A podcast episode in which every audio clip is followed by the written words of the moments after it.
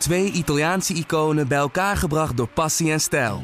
Peroni Nastro Azzurro 0.0 is de trotse nieuwe teampartner van Scuderia Ferrari. Doe mee met ons en de meest gepassioneerde fans op het circuit, de Tifosi. Samen volgen we het raceseizoen van 2024. Salute, Tifosi! Wat leuk dat je luistert naar deze aflevering van De Bordradio. Wil jij elke aflevering gratis in jouw feed hebben? Abonneer je dan nu op De Bordradio in jouw favoriete podcast-app. Mercedes, Ferrari en, en Red Bull, die zitten eigenlijk op een hele hoop geld. en die kunnen het niet besteden. Het is er wel eentje die echt fysiek zwaar is. Dat, uh, dat kan ik uh, uit ervaring over spreken. Maar als hij dus wel alles wint, dan gaat hij dus ook uh, qua percentages boven Schumacher en Vettel uitkomen. Als dit alleen een boete oplevert, is dat min of meer ook het failliet van de budgetcap. Oh my lord! I pressed it! Traffic paradise! No biking, no, no! GP2, engines! No! It's called a motor race, okay? Sorry. We went to car racing. Welkom bij De Bordradio, de Formule 1 podcast van nu.nl, waarin we gaan vooruitblikken op de Grand Prix van Amerika, op het prachtige Kota. En dat gaan we ook weer doen met het prachtige team van De Bordradio, de vaste mensen, met bijvoorbeeld Joost Nederveld. Goedemorgen. Ja, vanuit Hoofddorp. Ja. Ja, net Lekker, lekker op, het, uh, op het vaste honkie. het vaste honkie. Ja. Uh, net als Patrick Moeken, ook op het vaste honkie. Zeker, goedemorgen Bas. Ja, uh, mijn naam is dan Bas Scharwachter. Daar hebben we team Hoofddorp gehad. Maar we hebben natuurlijk ook weer team Hongkong. Althans, heb ik eigenlijk niet gevraagd. Maar dat klopt wel, ja, toch? Zeker. Toen? Ja, ja, klopt, klopt. Hongkong. Het is Hongkong. in de namiddag hier nu. We kregen nog een vraag. Moet je niet nog in quarantaine als je dan terugkomt? Nee, het is nu uh, gelukkig uh, sinds uh, dat ik terugkom uit Singapore is het gewijzigd naar 0 Ja. plus 3, zoals we dat noemen. Dus ik hoef niet meer in hotelquarantaine, maar ben nog wel drie dagen beperkt in bewegingsvrijheid, zoals ze noemen. Je hebt dan een QR-code hier. Die is amber, oftewel geel als je aankomt. En na drie dagen wordt die pas blauw. En ja, als die geel is mag je dus niet naar restaurants, bars. maar je mag wel gewoon naar buiten gelukkig. Dus dat is alweer het is een enorme verbetering ten opzichte van hoe het was. Hm, dus als je van via Play naar Hongkong gaat, ga je van de ene ember naar de andere ember. Nou, goed Ja, om te horen. Yes. ja, dit, ja, helaas dit. Uh, Oké, laten we beginnen met, uh, met de podcast. Goed begin, Allereerst Bas, even- goed begin. Ja, nou, we zitten er lekker in hoor. Ja, hele sfeer gelijk weg. Och, Uh, zullen we allereerst over sfeer gesproken? We zijn genomineerd bij de laatste vijf voor de Podcast Awards. Hoi. Hey. daar zijn wij heel blij mee. Maar ik wil echt oprecht alle mensen bedanken die gestemd hebben. Want dat is echt massaal gedaan. Ja, ongelooflijk. Ik, ik las op de site van BNR dat er in totaal iets van meer dan 100.000 podcasts zijn voorgedragen. Ja. Dus uh, ja, en dan zijn wij toch uh, qua sport uh, boven komen drijven. 100.000 verschillende podcasts. 100.000 verschillende podcasts. Er worden 100.000 verschillende podcasts gemaakt. Ja. Oh my god. Ja, ik heb ook de Joost Neder Nederpelt uh, Fanboy podcast ook genomineerd. Heeft het niet gehaald. Ah, jammer. Ja. Staat die ook? Ja. Maak Nee. jij die? Ja, ja, Zonder ik. kamer. Ja, nee, ja nee, ik, mo- ik moest weten wie is dat echt maakt. geweldig. Hij, eh, Ja, nee, echt. eh, Mensen, dank jullie wel. Maar het gaat nu eigenlijk pas beginnen. Want eh zullen we heel snel even noemen wie, wie de vijf genomineerden zijn? mhm. Dat is eh, F1 aan tafel. Ja. Ehm, Ben ik ook al een keer mee met naar de podcast awards gegaan trouwens. ja, want jij bent een van de founders. Absoluut, ja. Ja. je bent nu, als conc- ja, nu de concurrent. Ja, eigen concurrentie gemaakt. Dus Ja. eh, nee, toen eh, grepen we net, was de eerste editie. En met eh, René Hoogterp onder andere, commentator van uh, Sikko Sport. Ja. Ja, was hartstikke leuk. Dus eh, alleen ja, ik kan er dit jaar kan ik er helaas niet bij zijn. Want ik, eh, ik zit nog in Brazilië dan. De Grand Prix van Brazilië. Ja. Dat is een dag, ja, een, Moet een ook dag gebeuren. daarna zijn de uitreiking. Ja. Ja. ja, F1 aan tafel dus. Gewoon prima podcast als je door alle reclames eh, heen bent. Ik luister die nooit eerlijk gezegd. ja. Eh, dan de Dik voor elkaar eh, podcast. Die luister ik wel. Dat is van VI. Ja, Dat is Ja. leuk. Ik ben niet voor Feyenoord, maar ik vind het wel een heel leuke podcast. Dus eh, Ja. Ja, ja. En, en dan heb je ook de Live Slow Ride Fast podcast over wielrennen met Laurens ten Dam bijvoorbeeld. Een leuke Een podcast. ook Ja. een hele leuke podcast, nog zeker. Ook echt een beetje cultuur van de wielercultuur. En eh, Racing News 365, de podcast met onder andere Tom Coronel. Dus hoop in, dat jou, je grote vriend. Zeker. En collega. Ja, mijn eh, ja, collega hè, bij Viaplay. Ja. Dus eh, er wordt een titanenstrijd, Bas. Dat, eh, we hebben alle stemmen nodig. Ja, precies. We, we, En, we- eh, kijk, Patrick nu- en Moeke, wil natuurlijk ook keer, Moeke heeft natuurlijk niet gewonnen met eh F1 aan tafel destijds. Dus die wil nu natuurlijk wel winnen. Dat eh neem ik aan, toch?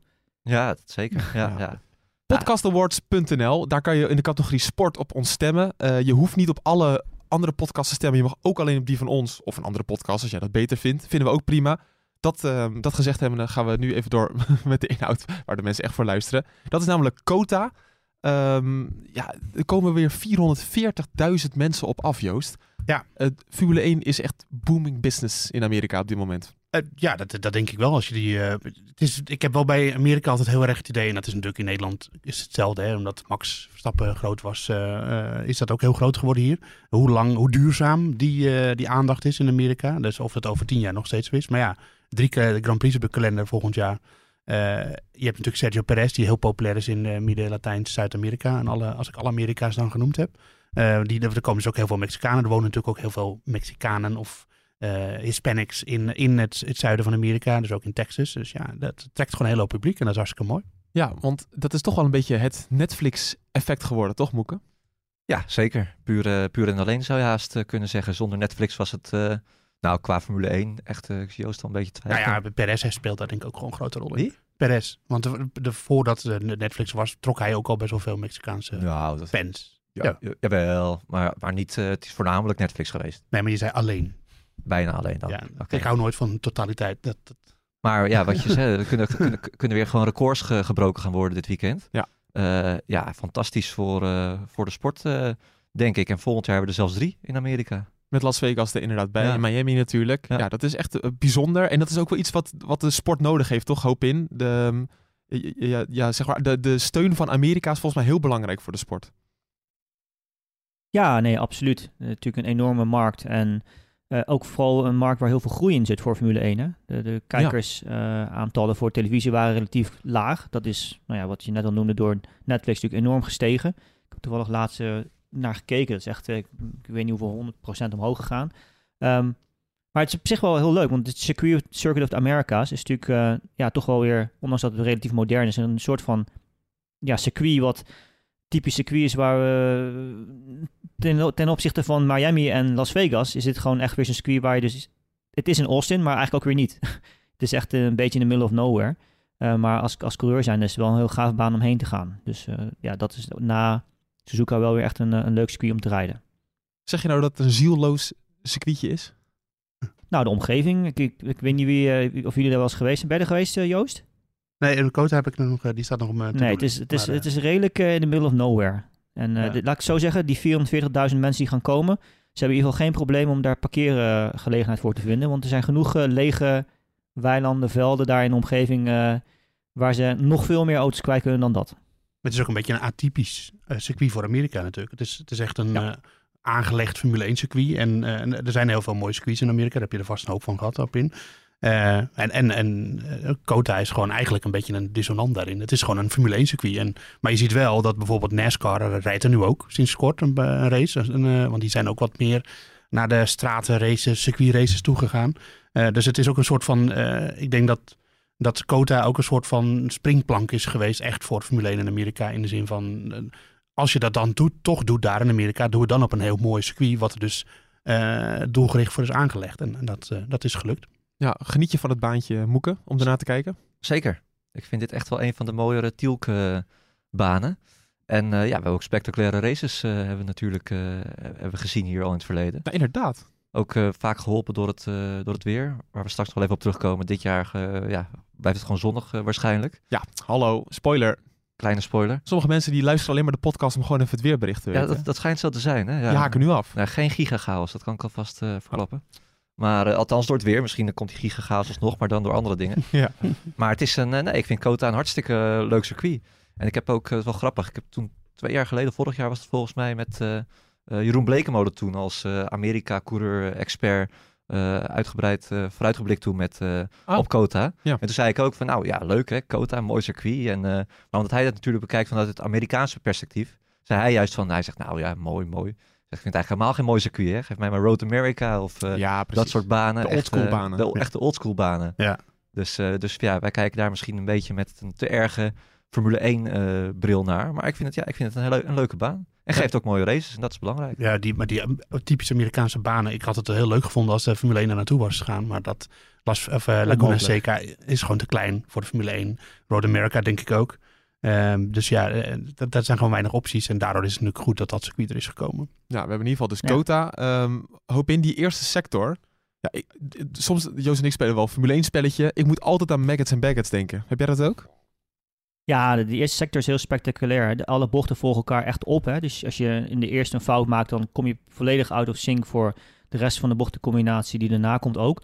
Ehm, Ja. Maar even voorbeduren wat Joost net zei. Kijk, zo'n Road America bijvoorbeeld, of eh, ja, Road America is zeer specifiek. Als je daar ooit met een Formule 1 auto zou willen rijden, het is zo onwijs hobbelig bijvoorbeeld. Eh, de uitloop is er niet. Eh, ja, dat zijn echt allemaal dingen dat eigenlijk gewoon niet, afgezien van de faciliteiten om het circuit heen, moest, zou de baan ook zo ver gemoderniseerd moeten worden dat het ook misschien weer heel veel karakter verliest dan. En dat is een beetje wat denk ik ook Jeroen eh, vertelt tegen jou, eh, Moeke. Dat heel veel van die Amerikaanse banen hebben natuurlijk echt dat karakter, omdat het zo...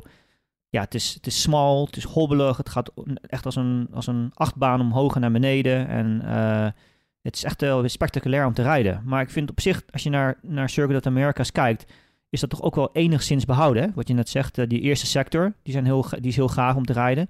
Ehm, je hebt echt veel snelle bochten ook daar. Dat langrechte stuk, wat toch ook wel weer inhaalmogelijkheden biedt.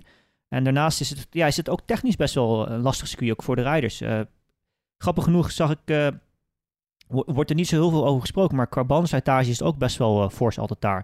Dat heeft natuurlijk te maken in combinatie met die snelle bochten, eh, met ook langzame bochten waar je moet uitaccelereren en de temperatuur ook. Eh, er wordt ook dit, eh, dit keer best wel warm weer. Het is niet echt een race die bekend staat omdat het fysiek zwaar is.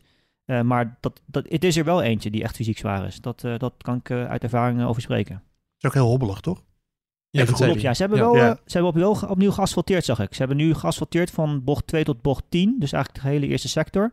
Zo. En dan bocht 16 uit mijn hoofd. Ehm, eigenlijk, het- ja, ze hebben een groot gedeelte van het circuit opnieuw geasfalteerd dit jaar. En dat heeft natuurlijk mede mee te maken, omdat het vorig jaar ook veel over werd geklaagd door de Formule 1-coureurs dat het hobbelig was. Maar vooral natuurlijk vanwege de MotoGP-rijders die, eh, die zeiden dat het echt te gevaarlijk was om te rijden. Dus ik geloof dat ze Hmm. vooral daarom eh, opnieuw geasfalteerd hebben. En het is wel beter geworden, wat ik begrepen heb. Maar de hobbels zijn nog steeds wel behoorlijk aanwezig. Maar wacht even, Hopin. Jij zegt een lang rechtstuk, eh technisch gedeelte waar de coureur echt naar boven komt drijven, eh, snelle bochten. Oh nee, ja, dit, wordt, dit wordt weer een makkie voor Max Verstappen volgens mij. Je noemt alles op wat hij leuk vindt. Ja, en eh, bandenmanagement. En bandenmanagement. ja, nou laten we Dat zitten dan. We kunnen inpakken. Ja, Nou. zullen, we- zullen we die anders, zullen we de, de, de podcast van na de race vast gaan opnemen meteen hierna? Ja, het zal wel stunt zijn. Ja. Ja, inderdaad. Ja, ongelooflijk. Ja, en eigenlijk als we het over Max Verstappen hebben, ja, het is fantastisch. Wereldkampioen natuurlijk geworden. Is het, is het al een beetje eh, geland bij jou, Moeke? Ja, het is eigenlijk, eh, dat hebben we ook al, eh, dat het alweer normaal is. Hè? Ja, hij heeft Ja. dat titeltje afgevinkt. eh was een aparte manier natuurlijk, met die, of we het nou wel of niet zeker wisten. Eh, ja, en daarom was misschien ook niet echt die mega grote euforische stemming er, er niet. Nee, Want dat kwam ook door de natuurlijk natuurlijk. Jawel, maar klopt. Maar iedereen zag het ook al van, van mijlenver aankomen natuurlijk dat het zou gaan gebeuren. Het was natuurlijk totaal anders dan, eh, dan vorig jaar, eh, die ontknoping. Ja, hij heeft het wel goed gevierd, Verstappen. Ja, Nou, jij, jij bent beter in dat soort... eh, Ja, hij heeft wel... eh, heb je de, alle juice-kanalen weer, heb je weer afgezet? ik heb alle internationale TikTok-juice-kanalen wel gezien. Verstappen die heeft hem aardig laten hangen eh, Ja, terecht. afgelopen twee weken. Althans, moet, het is, wordt nooit echt goed geverifieerd of het van dit weekend is. Maar er kwamen opvallend veel nieuwe beelden dit weekend online. Als je wil dat het van, van recente beelden zijn, dan zijn het recente beelden. Zo, Ja, zo werkt dat meestal bij jou. Ja, maar een, een dronken Verstappen, dat, die zie je niet zo vaak. Dus, Nee. Toch Nou ja, geweldig. je, mag toch, je mag het toch vieren? Een mooie tweede titel. En alleen ja, wat, wat, wat de euforie betreft, wat Moeke zegt, ja, het is een beetje hetzelfde als dat je een, een, een wedstrijd 7-1 voor staat en dat je dan bij het laatste fluitje, bij het fluitsignaal ga je even genoeg heel erg eh, juichen. Je, weet toch al dat je gewonnen hebt, zeg maar. Ja, En Iedereen precies. wist het al. Ja. Dus de concurrentie lag al op de rug. En eh, dus hij hoeft het alleen maar af te maken. Ik vroeg me eigenlijk af, eh, hoop in, want een coureur moet natuurlijk super fysiek zijn. En dan natuurlijk mag je een feestje vieren. Maar heeft dat nou nog invloed op het rijden eigenlijk? Als een wielrenner dit zou doen, dan, dan zou hij dat echt gaan voelen in de koers. Ja, natuurlijk heeft het wel invloed, maar ik denk, de Formule 1 is een fysieke sport, maar het is tegelijkertijd ook echt een mentaal, mentale sport. Hè? Daar hebben Ja. Patrick en ik het wel eens over gehad, eh, ook in een van de voorbeschouwingen. Eh, wat voor een taak je daar eigenlijk- in eigenlijk hebt als coureur zijnde, ook ten opzichte van het team en dergelijke. Maar je ziet gewoon aan iemand als Verstappen, dat hebben we natuurlijk al vaker gezegd dit jaar ook, die zit gewoon zo goed in zijn vel. Die is mentaal echt zo ontiegelijk sterk en dit hoort daar ook gewoon bij. Hè, hij, dit, dit, dit, dit is gewoon hoe hij is. En dit is ook wat hem zo sterk maakt. Want af en toe heb je gewoon... Hij is ook gewoon een mens. Je hebt gewoon van die, die momenten nodig dat je gewoon even jezelf kan laten gaan. En eh, daarmee op een bepaalde manier weer oplaat. Iedereen doet, dat- doet dat uiteindelijk ook weer anders. Ja, dit is zijn manier geweest, tenminste. Voor, als ik jou moet geloven. En Ja. ja, ja En Moeke doet het elke week. geen- dat, heeft verder, ja, dat heeft verder echt geen invloed op het rijden. Zeker niet als het pas eh, ja, een week later is nu. Ja. Nee, het is geen structureel. Als het een structureel ding wordt, dan ga je dat natuurlijk wel merken. Maar eh, Dus daarmee Eh. kunnen we Moeka als Formule 1-coureur definitief afschrijven. ik, dat, ja, Het zou sowieso geen goed plan zijn hoor. nee, Dat, eh, inderdaad. Ik heb hem wel eens hier op een parkeergarage uit zien rijden, maar eh, nou... eh, terwijl met karten, jongens. Ja, maar met karten was hij gewoon ja, dat is de wel waar. beste. Ja, dat klopt. ja, ja, ja. ja, ja, ja. Ja, toch een beetje verbaasd. Ja, dat kan ik een jaar lang blijven zeggen. Hè, tot Maar- weer ja. kart. Ja, maar dan ben je waarschijnlijk weer de snelste. Waarschijnlijk wel. Ja, maar hij was niet gewoon de snelste. Hij vermorzelde ons gewoon allemaal. Ja, seconden sneller dan de rest. Ongelooflijk. Ja, Ja. prachtig. Ehm, Verstappen die ook nog eens naar de kapper is geweest trouwens. Ja, heel de- relevante business inderdaad. Eh, ja, nee, eh, viel- eh, alle vrouwen, alle vrouwen, alle, Alle. vrouwen. Ja, ja. Om- je kapper als jij, eh, Bas, of niet? Ik hoop nee, niet voor hem. eh. Ik heb krullen gekregen. Hij Oh, niet. een permanentje, ja. Ja, hij heeft weer een... Het, eh, wordt wel steeds minder. Ik weet Nou. niet of jij dat ook ziet, Hopin, op die camera, maar... eh, jongens, die- het, het is een podcast, hier heb je helemaal niks aan. Nee. Oh ja, omdat het over jou gaat. Eh, wij komen al op Ja, wij moeten weer tegen die platgebrande heidebrand. eh moeten we aankijken hier op Ja. Ja, ik zag de, de fanaccounts van Verstappen, voor zover dat relevant is, die waren helemaal teleurgesteld. Want Verstappen heeft weer de coupe uit 2017. Oh. Dus echt die korte, die korte coupe heeft hij. Ah, oh, dat was een nieuwe foto die je stuurde. Nee, ja. Gewicht, hè? Ah, Ja, Gewicht, ja, dat Ja. is het inderdaad. maar het mooie is, het goed je zelf weer aan. Bij hem, bij mij niet, maar bij hem wel. ja. Eh, hij heeft ook een nieuwe helm, althans, aangepaste helm. Op zich Oh, wel interessant. Dit valt op zich, dit is bij Verstappen natuurlijk niet eh, dermate groot verschil. Maar ik heb wel eens gesproken met eh, de helm-engineer van Bell. Oh. Die, die dus specifiek alleen maar werkt voor Lewis Hamilton. En omdat Lewis Hamilton, hij zei, ja, soms komt hij ochtends op het circuit aan. Dan heeft hij in één keer zo'n andere coupe. Dat ik dus gewoon het hele interieur van die helm eh, moet aanpassen. Omdat het in één keer heel anders van binnen zit. Dat het dikker is op bepaalde punten of wat dan ook. Omdat hij dan zo'n braid heeft ingedraaid. oh ja, logisch En, eigenlijk ja, dus dat is, best wel van, dat is best wel van invloed. Want je, als je zeg maar een helm hebt, soms heb je wel eens een helm en dan zit hij bijvoorbeeld wat strak, eh, weet ik veel, bij je voorhoofd of zo. En dan is het letterlijk als je hem gewoon met je duim een millimeter drukt op die, op die pijnpunten, dan is dat ook meteen weg. Dus je kunt je voorstellen, als je gewoon een grote bos haar hebt, dat heeft natuurlijk hetzelfde effect. Dus goed, maar dat is eventjes een, een saaie detail. Ja, wel grappig. Maar, maar zeg je nou dat er iemand van Bell elk d- 23 races lang op het circuit is om te kijken wat voor kapsel Hamilton heeft? En zich daaraan gaat Ja. aanpassen? dat is niet het enige wat Nou, hij doet. Hij doet ook vizieren nee. en zo, dat soort dingen. Precies. Ja, dat weet ik niet. Ik weet niet hoe dat werkt. Ten tijde van COVID was het eh, overigens wel zo, hè, dat, dat de, natuurlijk de helm-engineers, die mochten maar met één team meereizen in principe. Want ja, je mocht niet tussen teams onderling contact hebben. J- Jullie weten dat beter, eh, Joost eh, en, en Patrick, maar De bubbles. juist. Ja. Ah, fijn. Nou ja, maar Verstappen heeft een nieuwe helm. Een mooi Amerika-thema. En eh, wel gewoon, eh, lijkt nog op zijn eigen helm, maar dan met eh, stars and stripes erop. Precies. En er zit niet één ster op, maar twee. Want hij heeft dus eh, de 2022 variant erop gezet. Het sterretje. Oh, mooi. Terecht. Ja. Terecht, ja. Terecht ook wel. Eh, maar goed, Joost, als we kijken naar het circuit, ik maak net een geintje erover, maar het is inderdaad wel, ook als je naar de geschiedenis kijkt, een baan die gemaakt lijkt voor Verstappen. Ja, nou, ja. Nee, dat is natuurlijk zo. Ja, kijk, de afgelopen jaren was, eh, was eh, ik wil het dus gewoon heel graag heel spannend maken. Maar als je kijkt naar de, de bandenmanagement momenteel bij Ferrari, dat is gewoon, nou, dat hebben we vorige podcast al besproken. Tenzij die nieuwe vloer, dat ze daar nu in, iets mee gevonden hebben, hem zo getweakt hebben, en de auto zo getweakt hebben, dat dat heel goed gaat. Maar ik er even in onderbreken? Heel even dat stukje. Ja. Want wat we heel erg bij Ferrari zien, dan moet je toch even uitleggen. Tien rondes lang, dan denk je, oeh, Leclerc zit een seconde achter Verstappen, dat wordt nog spannend. Ja. En dan in één keer rijdt Verstappen weg. Hoe, hoe zit dat nou? Nou ja, dat is, eh, Leclerc die zegt dat zelf ook wel. Hij heeft natuurlijk nu ook zit hij vaak in situaties dat hij moet pushen om überhaupt te kunnen inhalen. Dat deed hij bijvoorbeeld in, in Singapore. En hij deed dat bijvoorbeeld in die stint op de Inters in Japan. Dan denkt hij, oh, daar rijdt Verstappen. Ik, ik moet nu tempo maken. En dan gaat hij tempo maken. En eh, nou ja, daar heeft Hopin het ook al heel vaak over gezegd. Dat die Ferrari is heel snel, heel goed in, het, in de banden opwarmen. Dus hij is de eerste paar rondjes heel snel. Maar dat gaat op een gegeven moment, komt er een kantelpunt. En dan wordt het eh, in het begin is het goed voor de grip, maar later wordt het slecht voor de grip. Want dan wordt het gewoon te heet en dan komt er te veel deg in. Als ik dit allemaal verkeerd eh, zeg, dan moet hoop in het zo meteen maar even corrigeren. En dan gaat, die gewoon, gaat, dan gaat de grip gewoon weer weg en dan gaan die banden heel hard slijten.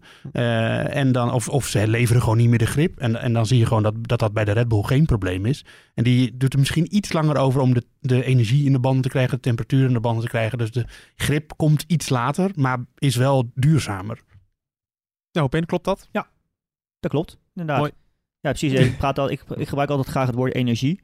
Als je een, een auto hebt die veel energie door de band laat gaan, dan zorgt dat er dus voor dat je makkelijk een band opwarmt. En dat je dus ook snel veel grip genereert. Daarom ben je dus vaak ook snel in een kwalificatie bijvoorbeeld. Maar je kunt je natuurlijk Hmm. voorstellen, als je voor langere tijd diezelfde energie in de band laat gaan, dan leidt dat uiteindelijk ook weer door eh, dat, het- dat de band sneller slijt. En- dat is en dus daarom, eh, daarom, zie, ja, daarom zie je heel vaak bijvoorbeeld George Russell voor de Kamer ook zeggen van ja, eh, kwalificatie was niet zo goed, maar we hebben er veel vertrouwen in dat we voor de race eh, wel eh, goed voor staan. En Dat komt, dat komt daardoor. En, en, en Ja. dus in in dat licht kun je gewoon Ferrari, denk ik, eh, omdat het een zwaar circuit is voor de banden, eigenlijk wel wegstrepen voor de overwinning, denk ik, zondag. Of ze moeten dus iets gevonden hebben, dat weet je nooit. Eh, Mercedes heeft een update in, eh in Kota, die vooral al gericht is op 2023. Want ja, ze zijn toch wel een beetje eh, steeds openbaarder over waarom die auto nou niet zo goed is. Dat ligt aan de, de, de, vloer in ieder geval. Het ligt niet zozeer aan die smalle sidepods, maar meer aan om hoe die vloer daaromheen geconstrueerd is en wat dat allemaal met luchtstromen doet en niet. Eh, en ze hebben dus nu een, een, een eh, update aangekondigd die al vooral gericht is op 2023. Wat dus ook een klein beetje vertelt dat ze waarschijnlijk wel met dat concept doorgaan. Ehm, nou ja, ik ga niet in een Mercedes als favoriet hier zien. Dat, dat kan gewoon niet. Het is gewoon geen baan voor ze. Dus ja, Te veel, want te veel hoge snelheid. Eh, dat, nou vooral eh, weer het compromis. Hè? Dus je hebt dat lange rechtstuk. Het is eigenlijk best wel een high downforce baan. Maar je hebt natuurlijk ook een joekel van een, van een rechtstuk. Eh, wat veel, veel topsnelheid is. Nou, nu natuurlijk heb je, als je een grote achtervleugel hebt, dan heb je ook meer DRS-effect. Maar je hebt natuurlijk niet altijd DRS in de race. In de kwalificatie wel, maar in de race niet. Ja, en die auto is natuurlijk gewoon heel draggy, zoals dat heet. Met heel veel luchtweerstand. En, ehm, en daardoor is hij gewoon langzaam. En hun compromis wat dat betreft is gewoon niet goed. Tussen bochtensnelheid en rechte lijnsnelheid. Dat zag je in Japan ook heel duidelijk. Ja.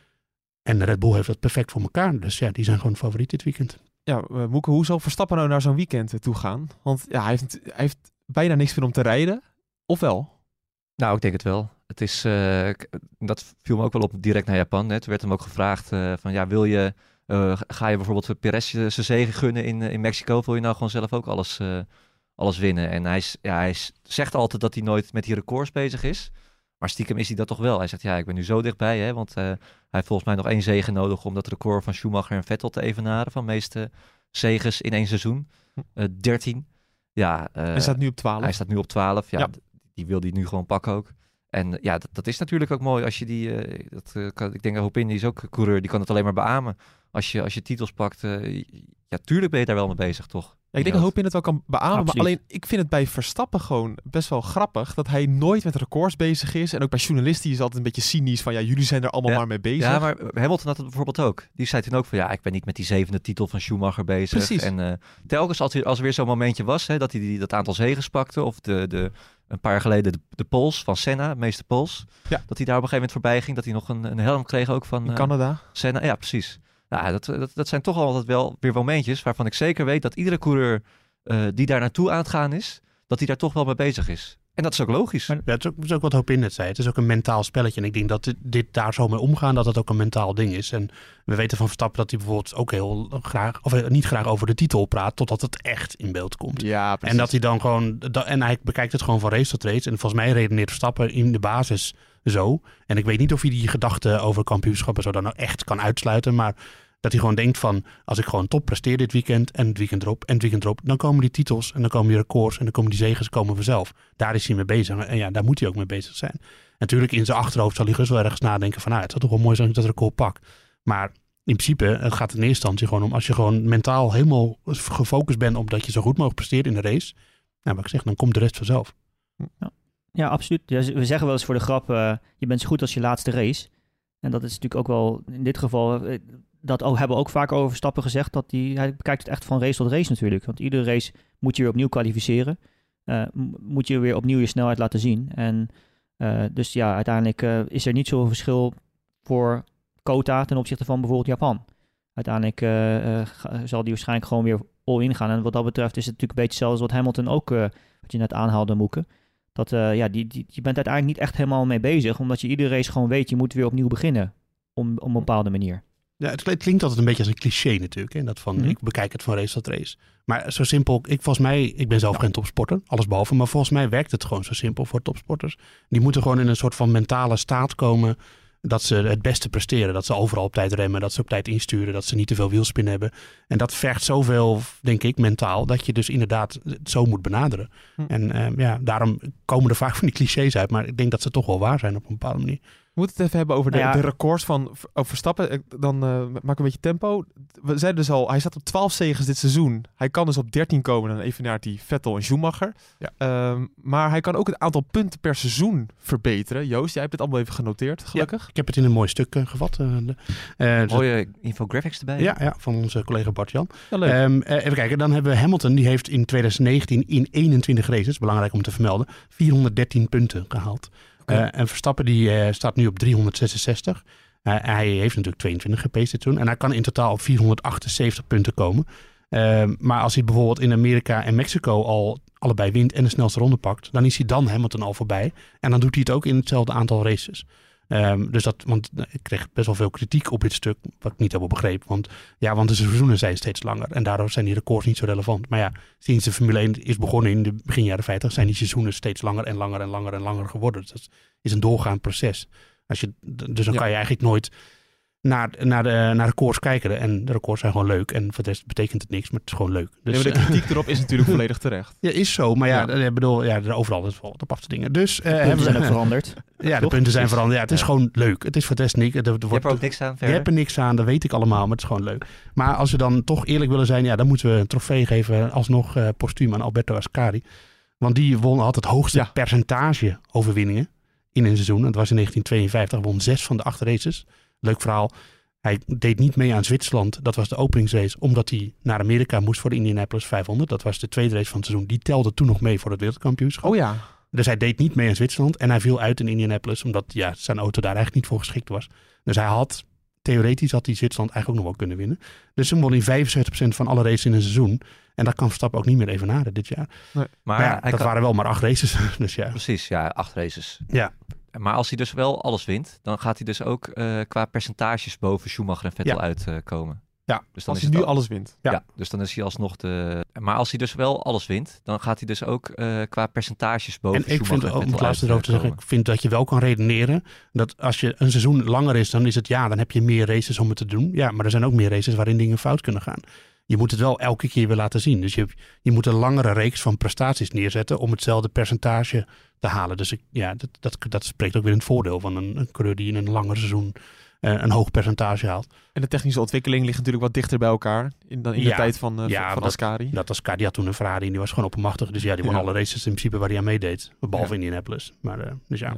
Ja. Dat is mooi. En dan heb je ook nog een ander eh, statistiekje. Dat eh, het kan het kampioenschap worden met de grootste voorsprong. Ja, dat is nu ook in handen van, eh, dat is in handen van Sebastian Vettel. Toen in 2013 op Fernando Alonso. En dat, dat kan Verstappen kan dat inderdaad verbreken. En dan heeft hij natuurlijk de grootste voorsprong op Charles Leclerc of Sergio Perez. Sergio Perez. Ja, maar maar hoeveel, hoeveel is dat dan?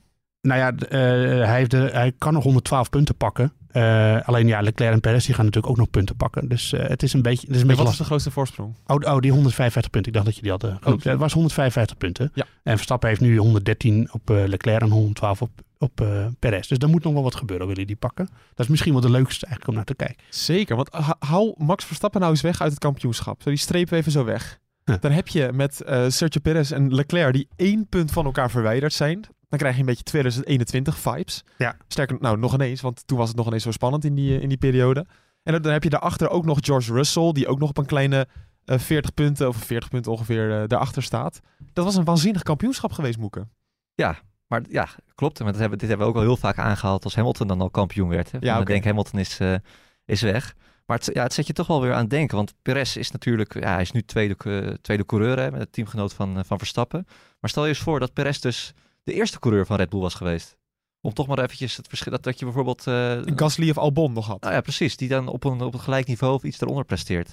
Ja, Om toch vind, maar aan te duiden dat het... eh, ik vind het een lastige hypothese hoor. Want het is natuurlijk zo dat Perez dan een andere teamgenoot had gehad. Eh, en, en dan had Verstappen al die races niet gewonnen met 25, 26 Nee, punten. En had iemand waar. anders die gewonnen. En dan had iemand, dus ja, vind het een beetje, ik vind het lastig. maar goed, het, eh, De strijd om de tweede plaats is gewoon heel mooi. Dat ja, is het het is. Zo spannend. het Ja, het is spannend. Ja. Hopin, wie is in het Maar- voordeel op dit moment? Wie heeft het momentum? Van de twee, van die twee? Ja, van, van Perez en Leclerc. Ja, ik, nou, ik, ik denk persoonlijk eh Perez.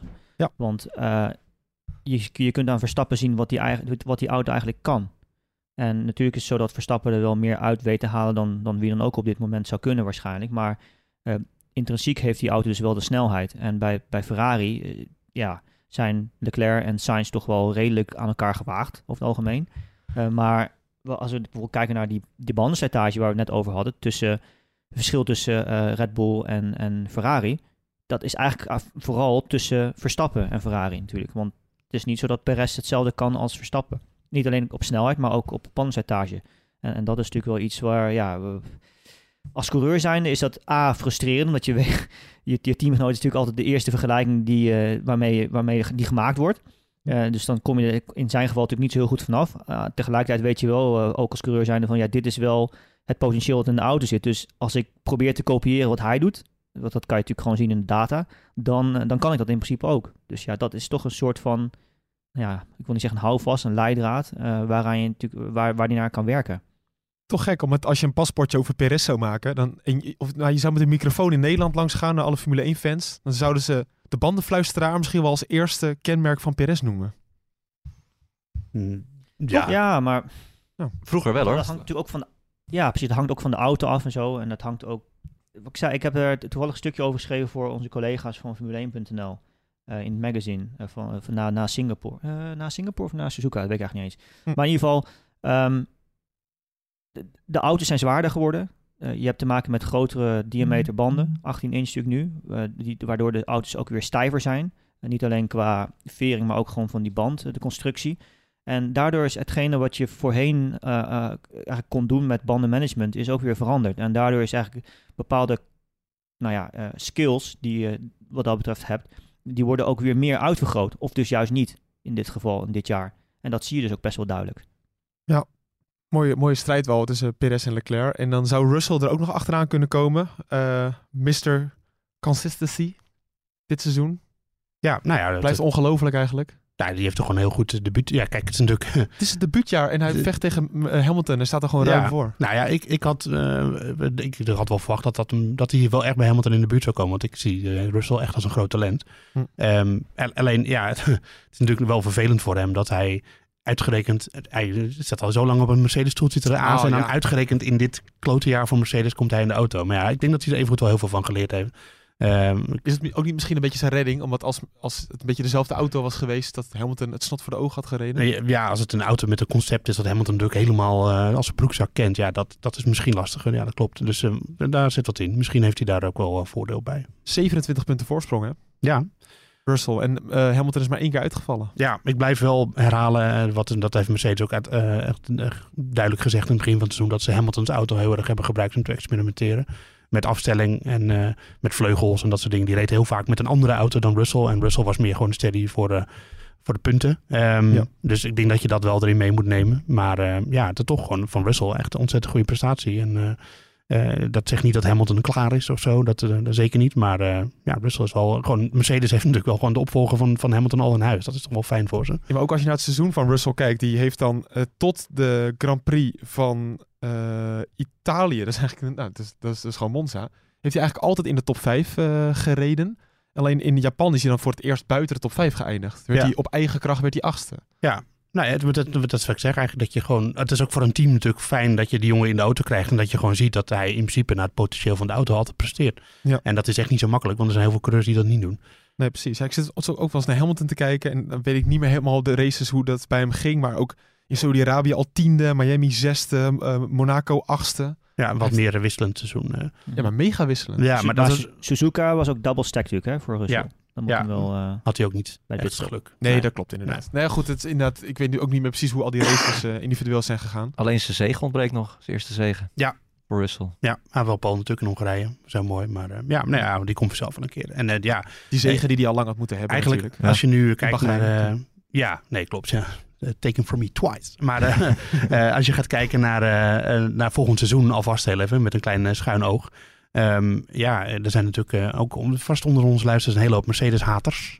Ik, heb nu rondom het budgetcap, waar we het zo nog over gaan hebben, weer enorm veel reacties gekregen onder stuk en zo. En de haat tegen Mercedes is eh, ongelooflijk, vind ik dat. Anyway, we hebben ze wel nodig volgend jaar. Want kijk, ik, ik eh, tuurlijk, ik denk dat de meeste Verstappen-fans nu al uitkijken naar de race zondag, waarin hij eigenlijk, nou, de overwinning kan hem eigenlijk, nou ja, Kunnen we dat zeggen? Het, het wordt natuurlijk gewoon... Z- Zeg eens even wat, Joost. Jij bent, som- soms mis je een beetje peper in je reet Nou. Hij gaat, we Mis de nuance af en toe. hij gaat natuurlijk gewoon winnen zondag. Verstappen, Oh. normaal gesproken. Hele gewaagde uitspraak. Hè, was een gewaagde uitspraak? Moeke, ik probeerde het even. Want Soms krijgen we wel eens kritiek, Maar we hebben, Joost. we hebben toch Mercedes nodig volgend jaar. En, en Hamilton. En Verstappen heeft toch gewoon een uitdager nodig in, in de zin van Hamilton. Of is dat Russell?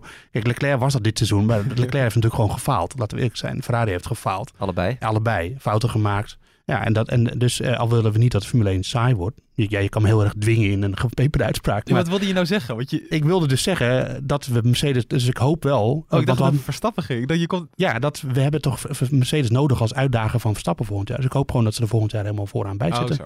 Dat was mijn punt. Als je nou gewoon je snavel even een tijdje dicht houdt, dan kan ik wat zeggen. Ja, ik heb toch het idee dat er iets over Verstappen aangekomen. Qua winnen, dat er echt een soort van eh, dominante zege zou Nou gaan. ja, waar, waar wil jij dat? Zou jij nou een fase, een, een drie jaar winnen, willen waarin Verstappen elke race in principe, zoals we met Hamilton hebben gehad en met, met Schumacher hebben gehad, dat je eigenlijk de tv kan aanzetten dat jij gewoon weet dat hij gaat winnen? Wil je dat? Nee, ik wil een jaar zoals dit, waarin je eigenlijk elke race toch de twijfel hebt van moet je Verstappen wel in je GP-spel gooien. En uiteindelijk ben je zo naïef achteraf dat je denkt, nou, ik, eh, hij wint toch alweer. Ja, precies. Nou ja, ik, eh, ik, vind, eh, ik heb vorig jaar bijvoorbeeld ontzettend genoten van het seizoen. En, eh, en ik denk iedereen, het is een open deur. Maar Ja. dat soort seizoenen, die zijn vrij uniek. Die ga je ook niet steeds krijgen. Maar ik hoop wel dat Mercedes volgend jaar weer een tandje meeblaast vooraan. Ja. En dat we gewoon een leuke, leuke strijd hebben die tot het einde duurt. Want ja, we zitten nu wel met er nog vier races vullen met gelul over een kampioenschap wat eigenlijk al beslist is. Want de constructeurskampioenschap is ook al beslist. Hm. Laten we eerlijk zijn. Nou ja, bij eh, eh, Red Bull en Ferrari inderdaad wel. Dat is een, gat van, eh, nou ik ben niet zo goed in rekenen, maar 619 eh, v- voor Red Bull en 454. Ja, als Red Bull na dit weekend 147 punten voorsprong over heeft, dan zijn ze niet meer in te halen. Ja, precies. Nou, reken maar uit. kijk maar op zelf op het internet. Dan kunnen ze namelijk nog wel gelijk komen met Ferrari in, pot- in potentieel, maar dan hebben ze meer overwinningen. Hoop je het ook helemaal te lachen. Ben jij wat beter in rekenen? Nee. Ik reken het toch gewoon voor. Nee, ik heb 147 de standen punten voor ze. Ja. Ja. Nee, maakt helemaal niet uit. Nee, ik wil eigenlijk vooral even naar het verschil tussen Alpine en McLaren. Ehm, Alpine is momenteel het vierde team in het kampioenschap met 143 punten. Ehm, McLaren 130. Dat is leuk, want Alpine is natuurlijk ook twee keer uitgevallen in Singapore in, in gunstige posities. Ja. Veel punten verloren. Maar in principe heeft Alpine natuurlijk wel een snellere auto. Ik denk dat we dat allemaal wel met elkaar Ja, eh, ook dat eens nog zijn. eens. Ja. Dus eh, ja, dat gaat dat eigenlijk al groter, groter moeten zijn. Ja, daar moet je toch een beetje de spanning gaan, eh, eh, gaan zoeken. Al vrees ik ook dat dat misschien er wel snel uit kan gaan, eh, kan gaan zijn. Op welke manier? Nou, als Alpine gewoon nog twee keer voor die McLaren's gaat eindigen, Ja. dan is dat ook beslist. Ja, precies. Nou, toch, op, toch op bijzonder eigenlijk dat Alpine het vierde team is geworden. Ja? Als je, als je kijkt naar hoe Renault het het afgelopen jaren heeft gedaan en dan nu met die nieuwe generatie auto's. Eigenlijk had het natuurlijk al veel eerder moeten gebeuren. Toen, eh, toen Renault als fabrieksteam te- terug de Formule 1 inkwam. Hè, de, de, toch Ja, geld, zat. Ja. Eh, goede faciliteiten nog steeds, eh, Team Enstone. Goed genoeg. Ja. Ehm, ja, het is, het is eigenlijk jammer dat dat, dat dat team nooit de aansluiting echt heeft gevonden met Red Bull, Ferrari en Mercedes. Ondanks El Plan. Ja, Ja, El, dat, ja, we we weten nog steeds niet wat El Plan is, hè? Ja, El Plan was gewoon eh, do- door, middel, door middel van de nieuwe regels eh, proberen weer vooraan een aansluiting te vinden. En dat eh, is niet helemaal gelukt. Nee. Maar, maar toch, ik moet, Alpine heeft toch een hartstikke goed seizoen gedaan. jawel, zeker. Dus eh, Maar ja, vergeet ook niet, de McLaren. Het is natuurlijk weer een beetje pijnpunt, maar ja, eh, wisselvallig, maar ook natuurlijk maar met één coureur. Ja. In zekere zin. Klopt. ja.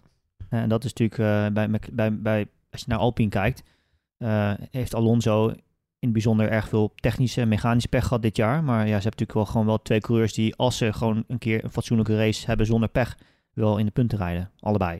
72 punten is het verschil tussen Lando Norris en eh Ricciardo. Ja. Gezegd hebben we dat eh, Ricciardo maar 29 punten heeft. ja, Ricciardo volgend jaar niet op de grid natuurlijk. Dat, eh, dat weten we al. Al zat Gunther Steiner wel weer een beetje ja, naar Gunther. Steiner zei weer iets over Ja, maar die Gunther Steiner zegt wel heel veel hoor, de laatste tijd. Die moet af en toe ook gewoon, denk ik...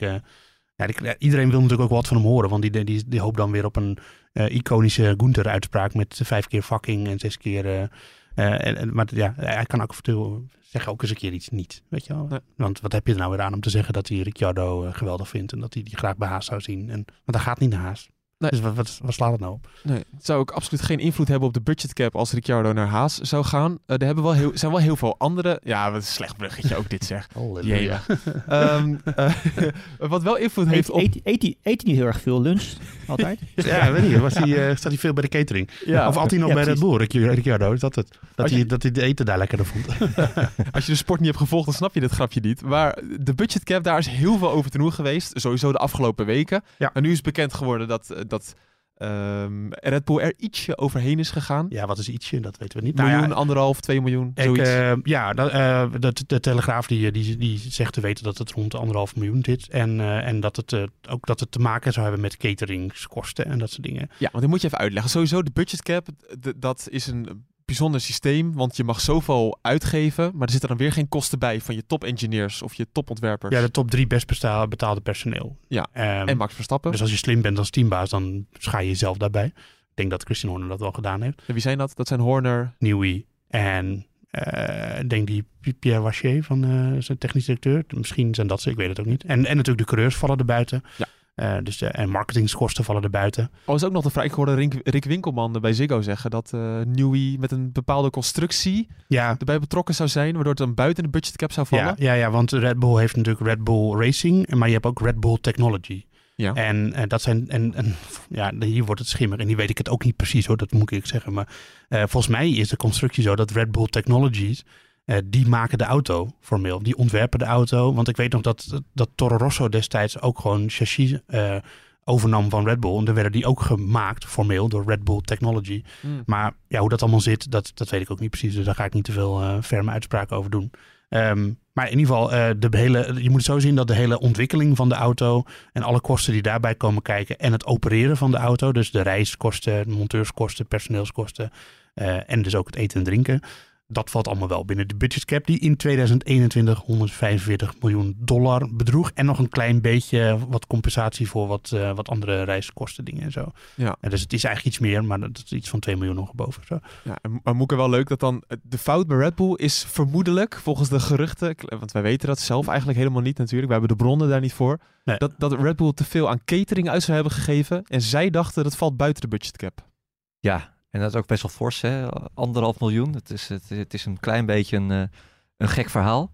De inflatie is hoog, maar dit vond ik wel heel pittig. Ja, klopt. En het, ja, en het hele kr- kromme vind ik ook wel een beetje natuurlijk. Als je dus, eh, want je hoort dan ook dat ze waarschijnlijk een boete eh, gaan krijgen. Ja. Maar ik snap ook wel dat andere teams daar dan- kwaad over zijn. Want die hebben zoiets van, ja, dan besteed je al te veel uit. En als je dan weet van, nou, ik ga daar een, een boete voor krijgen.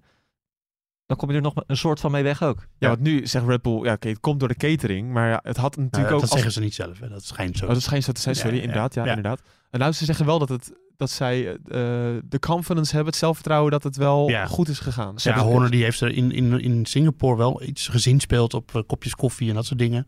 Maar ja, ik, ik ja. ben benieuwd ook wat de opinie van vindt. Maar ik denk, dat, ik denk dat het niet uitmaakt waar het aan te veel aan uitgegeven is. Want je hebt namelijk een budgetcap, die is zoveel. En Hm. het maakt niet uit op welke post je te veel hebt uitgegeven. Je hebt te veel uitgegeven.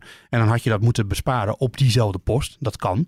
Of je had het elders moeten besparen. Maar je hebt gewoon te veel uitgegeven. En, en dat is eh, tegen de regels. Dus ja, eh, kijk, er werd, er werd al heel erg eh, gezegd van ja, nee, het, heeft, het is dus niet besteed aan het sneller maken van de auto. Ja, dat weet je niet.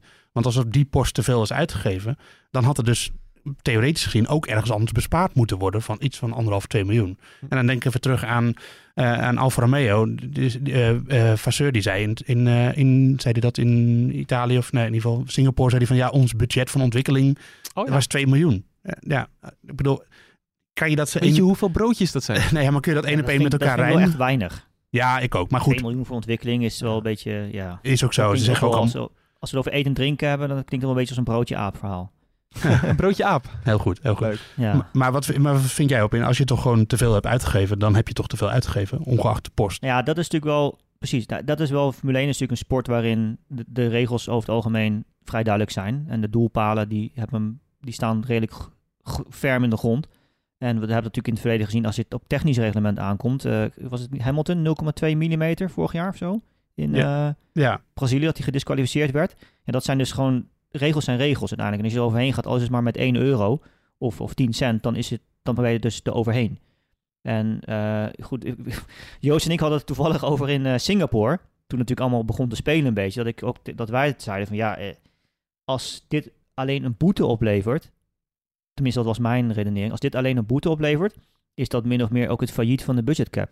Ja, Dat betekent namelijk dat eigenlijk, want die teams, die kunnen in theorie gewoon meer uitgeven. Die hebben meer geld. Dat deden ze in het verleden namelijk ook. En dit is natuurlijk puur erin gebracht om ervoor te zorgen dat die kosten gecontroleerd werden. En als je dus nu eh, gewoon een boete geeft, dat betekent dus, ja, uiteindelijk zijn ze nog steeds goedkoper uit dan dat ze in het verleden waren. En ze hebben nog steeds het kampioenschap gewonnen. Ehm, kijk, het is, maar het is natuurlijk een hele moeilijke kwestie, want je kunt eigenlijk niet Verstappen bijvoorbeeld eh, sportief hierin straffen. Want ja, uiteindelijk heeft hij gewoon op, op de baan gereden en gewonnen. En ja, daar kun je dus eigenlijk niet zoveel mee doen. Dus ik vraag me ook eigenlijk af wat voor andere opties ze hebben. Ja. Ah, je ziet in het voetbal bijvoorbeeld... constructeurskampioenschap misschien? Ja, want je ziet in het voetbal wel natuurlijk, als, als de directie van Oude Den Haag zich niet houdt aan de regels, dat dan de voetballers, die worden natuurlijk bestraft met punten in mindering en kunnen dan degraderen.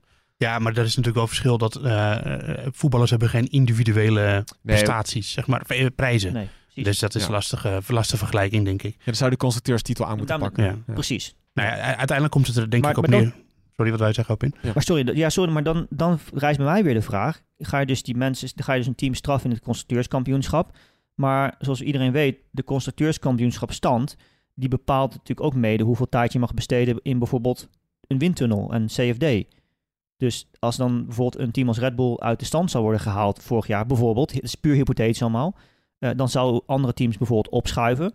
Wat doet dat dan weer met de windtunneltijd? En, en het is onwijs gecompliceerde materie natuurlijk. Ja. Ja, en je zegt ook het failliet van de budgetcap, juist om, ja, als je weet, oh, een miljoentje eroverheen, je krijgt een, een boete. Joh, dan gaan we volgend jaar lekker dat miljoentje in die auto steken. Ja, want die miljoenen die hebben ze in overvloed. Dat is het, dat is het hele. eh, niet alle teams natuurlijk, maar Mercedes, Ferrari en, en Red Bull. Die zitten eigenlijk op een hele hoop geld. en die kunnen het niet besteden. Ja. Eh, want als je gaat kijken naar welke contracten Red Bull bijvoorbeeld dit jaar allemaal heeft gesloten met Oracle, met dat bit, eh, bit, eh, die bitclubs die ze allemaal hebben en zo, weet ik veel. Ja, daar- daar komen bakken met geld binnen, wat ze in principe niet kunnen besteden. Dat is natuurlijk heel lastig. En, en, en, en daarom, ja, daardoor zegt Horner ook altijd van, die heeft ook het begon in Bahrein afgelopen jaar al. Natuurlijk misschien terecht. Met, ja, de budgetcap moet allemaal hoog, want de reiskosten zijn hoger en bla bla. Maar hij heeft makkelijk praten, want zij hebben dat geld allemaal, weet je wel. En dat is gewoon, eh, ja, het is een beetje... valt er toch ook onder, want halverwege het seizoen is toch nog het Ja, reisbudget verhoogd. Ja, maar dat, is, eh, dat is, klopt. En dat is natuurlijk wel dan 2022. Dus dat gaat niet over het eh, budget van vorig jaar. Oh, sorry. Ehm, maar, maar inderdaad, dat klopt. Dus er, zit, er zitten wel ergens speelruimtes in en zo. Maar ja, ja het is gewoon een hele lastige kwestie. En de FIA moet nu ergens een soort van pad gaan bewandelen... waarin ze iedereen tevreden houden. Want ja, oké, heeft Red Bull nou iets vreselijks gedaan? Nee. Maar ze hebben wel iets gedaan waarvan de andere teams natuurlijk denken van... ja, verdomme, wij eh, hebben elk kopje koffie hebben we genoteerd en keurig. En onze accountants die hebben dat allemaal goed eh, berekend... en die hebben dat ingediend bij de FIA... en we hebben daar een stempel op gekregen en prima...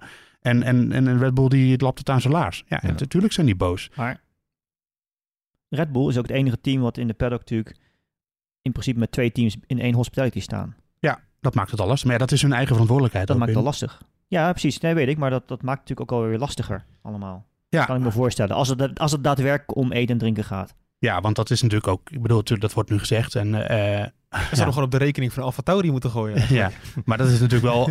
Ik bedoel, ik, hier ga ik even het, eh, het, eh, het, eh, het speculeerpad op. Maar het is natuurlijk wel toevallig dat dat dan een, een, een niet-competitieve post is... waar ze dan overheen zouden zijn gegaan. Ja, dat, ja. Snap je wat ik dat- bedoel? ja. Ik weet het ook niet, dus dat, eh, moeten we, daar houden we het bij. Maar dat weet je niet of dat eigenlijk wel klopt natuurlijk. Dat is lastig. En, Dus- eh, Ze zeggen zelf ook van ja, wij, eh, wij wisten zeker toen we, dat, toen we dat rapport in, in, eh, opstuurden, het financiële rapport, Hm. eh, dat het klopte, onze berekeningen. Ja. Dus eh, d- dat, was, dat is het enige wat ze er zelf over gezegd hebben. Toen wij het instuurden, eh, dachten wij dat we er gewoon aan vo- voldaan hebben. Nou ja, maar daarom zeg ik, ik, dat weet je natuurlijk ook niet of dat. hè, bedoel, ze- dus, en daar zal, zal Red Bull heus niet het enige team in zijn. Het is natuurlijk een, het, het blijft competitie. Dus het blijft ook een soort van financiële competitie. Dus wat Horner zei van, het moet geen boekhoudkampioenschap worden. Ja, dat is het eigenlijk al geworden. Ja. Eh, en, eh, en slimmigheden daarin, die kunnen ook uiteindelijk leiden tot betere rondetijd. Zo simpel is het. Ja. Dus ja, dat, dat blijft een spel.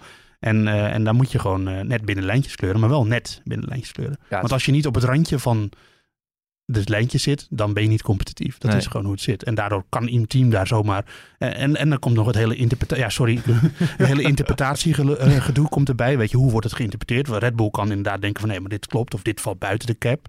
en dat de VIA dat dan niet vindt, eh, eh, dan moet je dan ook nog weer een... Nee, dat, dat wilde ik dus zeggen. Van, dat, het is ook maar net hoe ze het hebben opgeschreven. Ja. Zit daar nog een bepaalde speling in? Eh, Hoe, kan, of, of hoe je het zelf kan begrijpen? Het is natuurlijk ook het eerste jaar dat die budgetcap werd ingevoerd. Het, eh, het kan me ook voorstellen eh, dat ze dan misschien iets coulanter gaan zijn. Alhoewel dat natuurlijk ook Ja. niet eh, terecht is. Maar dan, kijk, als dan Red Bull het was geweest en nog drie andere teams, weet je, dan is het ook een beetje, oh sorry, we wisten de regels niet zo goed. Maar Nee. nu is het alleen Red Bull, ook nog eens degene die, die een, win, een wereldkampioenschap of een wereldkampioen heeft afgeleverd, Ja, wil ik ja. zeggen. Eh, ja, het is voor Red Bull inderdaad jammer dat, of jammer, ja, dat, dat, dat zij nu het enige team zijn die echt er overduidelijk overheen, eh, althans overduidelijk, in ieder geval voor Minder, eh, wat was het? Wat, wat de VIA in ieder ja, geval precies. vindt, Ja. Ja, ja, ja. Ja, dus afsluitend eh, moet je zeggen, dus de FIA moet nu een pad gaan vinden waarin ze iedereen tevreden stellen. Dus Ferrari, Mercedes, McLaren. Hè. Zack Brown die had zelfs een brief geschreven naar de FIA van... eh, ja maar daar word ik ook wel een moe ja, van. tuurlijk. want- maar dat is... Dat, dat draait eens om. Eh, als zou... Jawel, maar Mc- we- die weten ook nog niet wat er nou precies gebeurd Nee, is. nee, nee. Maar iedereen bleek, bleek al heel goed op de hoogte. Ja. Eh, en natuurlijk, die zijn aan het voorsorteren op een flinke straf. Dus Ja. dat, is, dat is ook wat je moet doen, want dat is ook een competitieve omgeving. Maar de FIA moet dus een manier vinden waardoor Red Bull eh, enigszins er nog zonder al te veel gezichtsverlies mee wegkomt. Verstappen niet geraakt worden, want daar ben ik het helemaal mee eens. Verstappen kan hier niks aan doen. Dat zou ontzettend, en dat gaat ook niet gebeuren. Het zou ontzettend lullig zijn als hij hierdoor, eh, weet ik veel, een titel kwijtraakt. Gaat dat niet gebeuren zou hoor. ook Echt. slecht zijn voor de Formule zou 1. heel slecht zijn voor de Formule 1. Gaat niet gebeuren. En, maar Verstappen dus- is al zo weinig gematst in 2021, dus ja hè. Zit je, oh ja, nee, oké. Maar goed, da- dat hoeven komen we niet op te rakelen. Maar, eh, maar in, eh, dus ja, en dat, dat is een hele moeilijke taak voor de FIA. Dat, daar wilde ik het mee eh, besluiten. Besluit, heel goed. Nou, normaal wel een mooi bumpertje voor het weer, Moeke, maar kan je het kort houden? Niet dat we haast hebben, maar jij... Ja, Geen gigachaos, w- wel warm. Eh, het blijft het hele weekend droog en temperaturen van eh, 31 tot 32 graden. ja, dat is het gewoon. Ja, eh, Neem je zonnebril mee. matige winst, wind, Ja. windkracht 3, windkracht 4. Hm. Dus eh, dat kan nog aardig zijn misschien wel. Oké. Maar verder vrij eh, recht toe recht aan. Dus er moeten wel windhoesen rondom de microfoontjes langs de baan. Maar ja, ja, een paar plofkapjes. Ja, dan krijg je weer... eh nou ja, De miauw, meneer. de, de, anders krijg je de miauw meneer natuurlijk weer. Ja, Dat is wel grappig. Ja. dat is het beste, een van de beste grappen die ik ooit Ja. in een Formule ja 1 dat is wel uitzending heb gezien. fantastisch. Ja, Ja. ja. leuk. Ja. Eh, nu tijd voor een echt bumpertje, want we gaan voorspellen aan de hand van het NuSport GP-spel. Jongens, ik kom er eigenlijk net achter dat het helemaal niet meer het NuSport GP-spel heet. het heet al een jaar, misschien vorig jaar ook wel, het nu.nl GP-spel. ja. Ja, want Ja. NuSport is ons oude, is oude brand. Nou, vroeger hadden we ook een magazine, dat was eerst Sportweek, en toen werd het NuSport. Eh, maar dat gebruik, ik dacht, ik vroeg me nog af, we gebruiken helemaal geen NuSport meer op de redactie. Nee, Het heet helemaal niet meer het NuSport GP-spel. Nou, we hebben nog niks gehoord van marketing over dat we het aan moesten passen. Of eh, misschien luisteren die lui wel helemaal niet. Ja, Ja, dat, shit, blijkt, dat, dat is, blijkt nu gewoon. Ja, dat dat is bewijs. dat is wel echt zo. Ja, ik moet hier echt even aan wennen, jongens. Nou, welkom bij het eh, nu.nl GP-spel. Eh, we gaan voorspellen. Laten we beginnen met Hopin. Wat denk jij? Ik denk dat Leclerc gaat winnen, toch? Eh, ja, als je de eerste plaats niet meetelt wel. ja, De verdomme. eerste van de verliezers, toch? Ja, gaat dat het worden?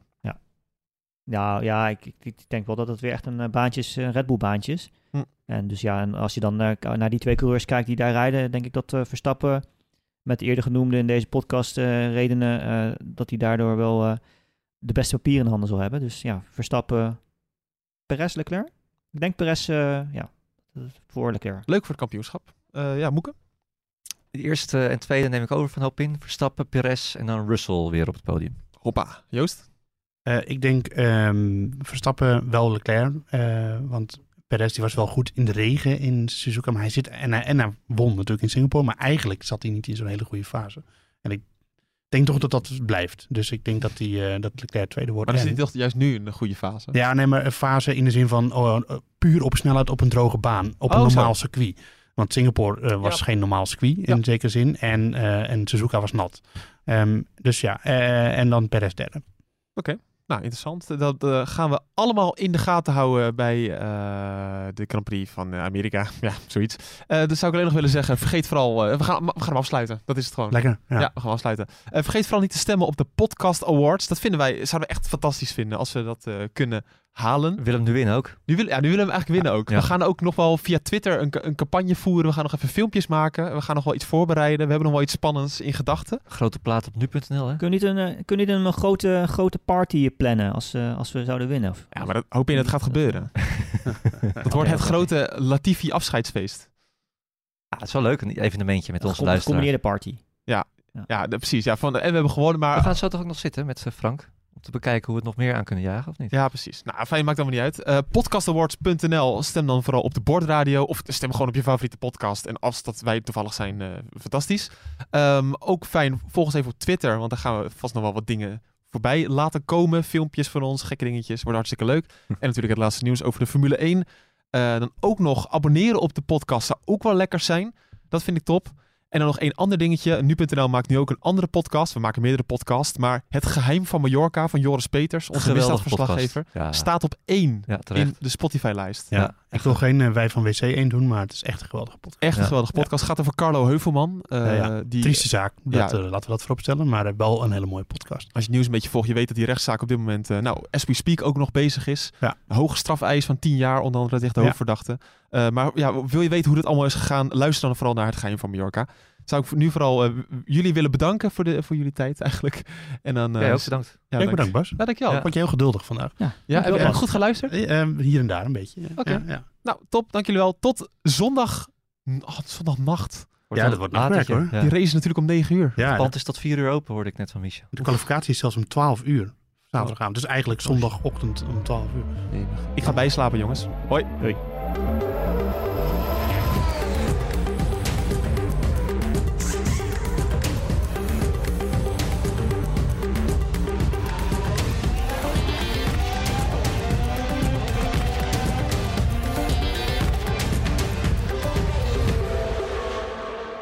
Ah, jongens, ik heb wel echt zin in, eh, in de avond van de Podcast Awards, hoor. Maar je moet je er ook niet te veel van, van voorstellen hoor. Want de, het, is dus, het duurt een uurtje of anderhalf uur. Ja. Ze hebben iets van 14 of 15 prijzen weg te geven. Het is, eh, volgens mij, je krijgt niet eens even de kans om te speechen. Ergens in de kantine van een sporthal is dat zeker? Nee, het is, het, is bij, het is bij Dauphine. Oh, bij Dauphine. Ja. Oh. Ja, bij Oh, BNR dus gewoon. Maar daar eh, ben ik wel eens... Eén keer, dat is al een paar jaar geleden hè, inmiddels, maar daar ben ik echt een keer hard op mijn, op mijn, op mijn bek gegaan met mijn fiets bij de Amstelkade daar. Oh ja? Dat was met Koning, ja, Koningsdag. Toen was ik op Utrechtse straat was ik. Ja. Dus ook aan, aan die kant van het water. Ja, ja. Ik weet nog wel dat ik terugfietste toen. En eh, toen kwam ik bij een stoplicht aan. ja. En dat afstappen ging niet helemaal goed. Dus eh, ik zat met een groep mensen te kijken. En die, oh, gaat het wel? Dus ik zag ze natuurlijk alweer denken van, oh, ja, ik ben weer zo'n Aziat op mijn fiets. Voor het eerst. Toen was het hoop en boom. Oh my god. Oh, oh, oh. Twee Italiaanse iconen bij elkaar gebracht door passie en stijl. Peroni Nastro Azzurro 0.0 is de trotse nieuwe teampartner van Scuderia Ferrari. Doe mee met ons en de meest gepassioneerde fans op het circuit, de Tifosi. Samen volgen we het raceseizoen van 2024. Salute, Tifosi!